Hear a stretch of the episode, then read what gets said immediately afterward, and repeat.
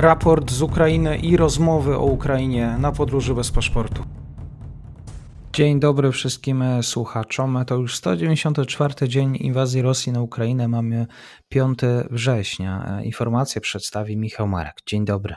Dzień dobry, witam serdecznie. Strona rosyjska nadal decyduje się na ostrzał rakietowy i artyleryjski obiektów cywilnych. Wczoraj doszło m.in. do wybuchów w Charkowie i Mikołajowie. Obiekty cywilne w tych miastach nadal są celem rosyjskich rakiet. Jeśli chodzi o sytuację na froncie, na północy, w obwodzie charkowskim, Rosjanie nadal koncentrują się na uderzeniach artyleryjskich. Walki toczą się w niektórych punktach na froncie. Pomimo trwania walk nie, nie mamy jednak do czynienia z poważnym, skonsolidowanym natarciem w stronę rosyjskiej. Dalej na południe, na kierunku słowiańskim podobnie. Rosjanie nacierają na pojedynczych fragmentach frontu, lecz nie odnoszą sukcesów. Intensywnie przy, przy czym e, prowadzony jest właśnie ostrzał artyleryjski ukraińskich pozycji. Dalej na wschód, na kierunku sywierskim, walki nieco intensywniejsze. E, Rosjanie ciągle atakują na całym odcinku od Białchorywki po Horliwkę. Kluczowymi kierunkami pozostają Bachmut, Soledar, Zajcewe, Pisky oraz Kodema. Tutaj szczególnie Rosjanie starają się właśnie atakować w okolicy Kodemy, aby tu osiągnąć sukces z zakresu przejęcia tej miejscowości. I tak samo właśnie no, Soledar mm, jest takim punktem, którym, na którym rzeczywiście Rosjanom y, bardzo zależy, chociażby z punktu właśnie propagandowego.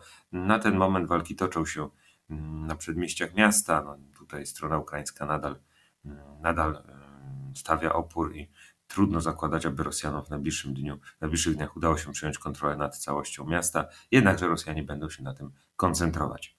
Y, w ciągu weekendu nie doszło jednak do dostrzegalnych wyraźnych przesunięć na którymś z odcinków frontu wschodniego. Rosjanie kontynuują mm, intensywny ostrzał oraz natarcie. Dostrzegalnych sukcesów strony rosyjskiej na tym odcinku brak. E, dalej na południe Rosjanie nadal starają się odepchnąć Ukraińców od Doniecka.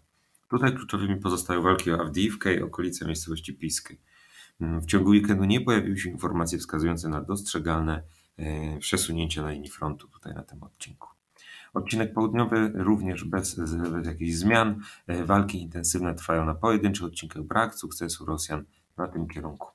Sytuacja odmienna na południowym zachodzie. Tutaj inicjatywa leży po stronie ukraińskiej. Po długotrwałych atakach e, udało się stronie e, ukraińskiej już zneutralizować e, szturmy Rosjan, które dotyczyły miejscowości Wysokopilia i wydaje się, iż ukraińska, ukraińskiej kontroli nad tą miejscowością już obecnie nic nie zagraża.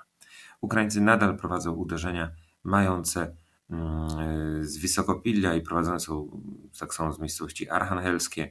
I te uderzenia właśnie na połów, w kierunku południowym mają szansę na dalsze mm, wypchnięcie Rosjan, mm, odepchnięcie na południe tutaj z tego kierunku krzyworowskiego. Ukraińcom udało się także poszerzyć e, wyłom w rosyjskich liniach w okolicy Suchego Stawu i Kost, Kostromki. To jest środkowy odcinek e, frontu pomiędzy właśnie Krzywym Rogiem a Chersoniem.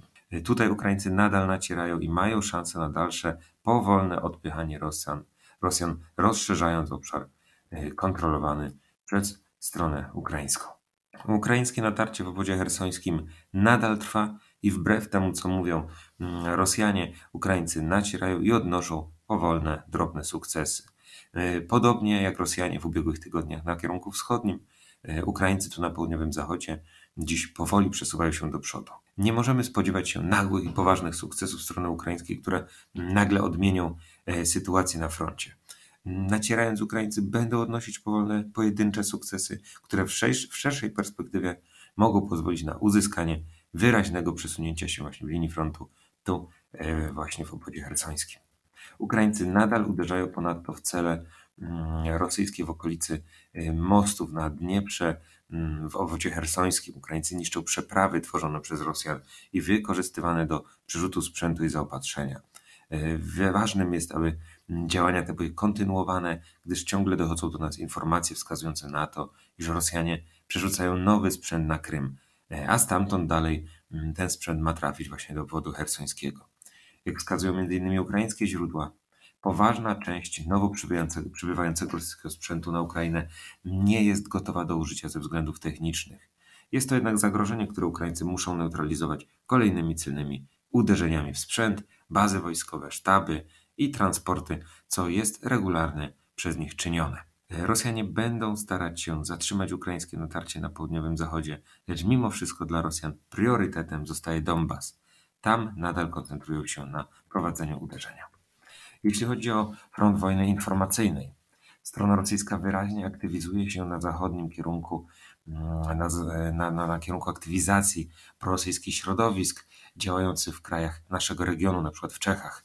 Możemy spodziewać się, że i w Polsce środowiska współpracujące z Rosją wkrótce zaktywizują się na kierunku organizacji protestów, poważnych akcji społecznych, które będą miały charakter antyukraiński i antyrządowy. Niestety nasilający się kryzys surowcowy daje Rosjanom możliwość do ukierunkowywania fermentu społecznego w stronę oczekiwania przez społeczeństwo, iż rząd zrezygnuje z proukraińskiej i twardej wobec Moskwy linii politycznej. Chodzi o rezygnację z polityki sankcyjnej i pozyskiwanie i rozpoczęcie, powrót do pozyskiwania surowców energetycznych z Rosji. Przed nami kryzys, który zostanie wykorzystany przez Moskwę do zdestabilizowania sytuacji społeczno-politycznej w Polsce.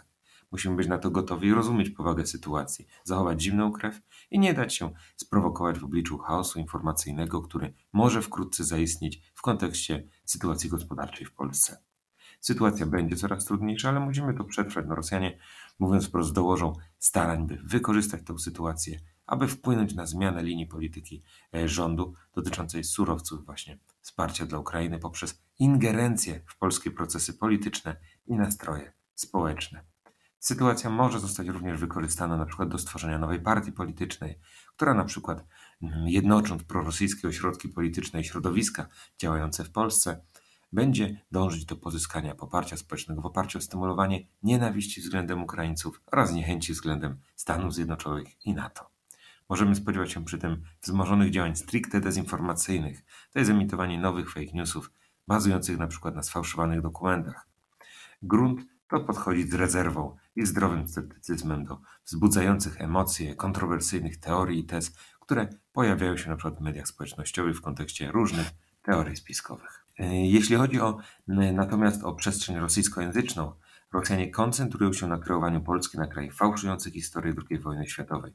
Przekazy odnoszą się do kwestii demontażu sowieckich pomników w Polsce. Rosjanie nie tylko oskarżają nas o to, że zrównujemy III Rzeszę ze Związkiem Sowieckim, co rzekomo jest bezpodstawne, lecz wskazują na Polskę jako kraj heroizujący, heroizujący nazizm. W kremlowskim, zafałszowanym obrazie rzeczywistości, jeśli uważasz, że Związek Sowiecki jest współodpowiedzialny za wybuch II wojny światowej, oznacza to, że jesteś nazistą lub wspierasz nazizm. W rosyjskim przekazie Polska sama sprowokowała Niemcy do wojny, a Związek Sowiecki jedynie odzyskał swoje ziemię. To oczywista dezinformacja służąca wybielaniu obrazu Związku Sowieckiego i III Rzeszy oraz służąca zrzuceniu winy na Polskę właśnie za wybuch wojny. Narracje te lobowane są przez Rosjan aktywnie w kontekście debaty dotyczącej reparacji wojennych od Niemiec. Rosjanie zarówno w Rosji, na Ukrainie, jak i w Niemczech i Polsce starają się lobbować obraz Polski jako kraju chcącego jedynie kraść cudze ziemie i cudze pieniądze. Rosjanie przekonują, iż tak jak II Rzeczpospolita ukradła ziemię Rosji, Niemiec i Austro-Węgier, tak obecnie Polska ukradła ziemię Niemcom i jeszcze bezczelnie żąda od nich reparacji wojennych za sprowokowaną przez siebie rzekomo wojnę.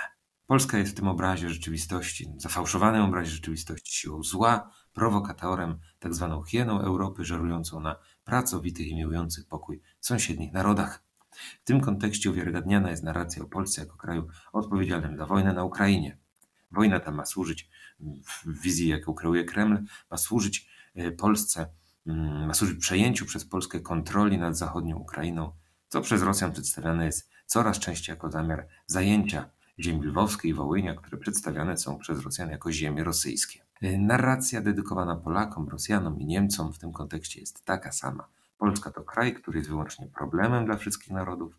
Polacy powinni zastąpić swoje pronatowskie elity polityczne siłami w cudzysłowie rozsądnymi, to znaczy prorosyjskimi, które będą rozumieć iż Polacy dla własnego dobra nie powinni przejawiać żadnej inicjatywy dotyczącej polityki zagranicznej, lecz powinni akceptować żądania strony rosyjskiej.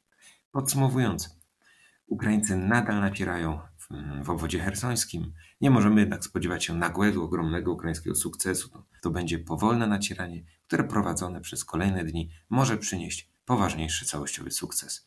Na razie jednak sukcesy są niewielkie, ale są. Jeśli Rosjanie nie uzyskają zdolności do zatrzymania tego uderzenia, to tendencja ta będzie się utrzymywać i Ukraińcy będą mogli odnieść, mm, odmienić sytuację na tym kierunku.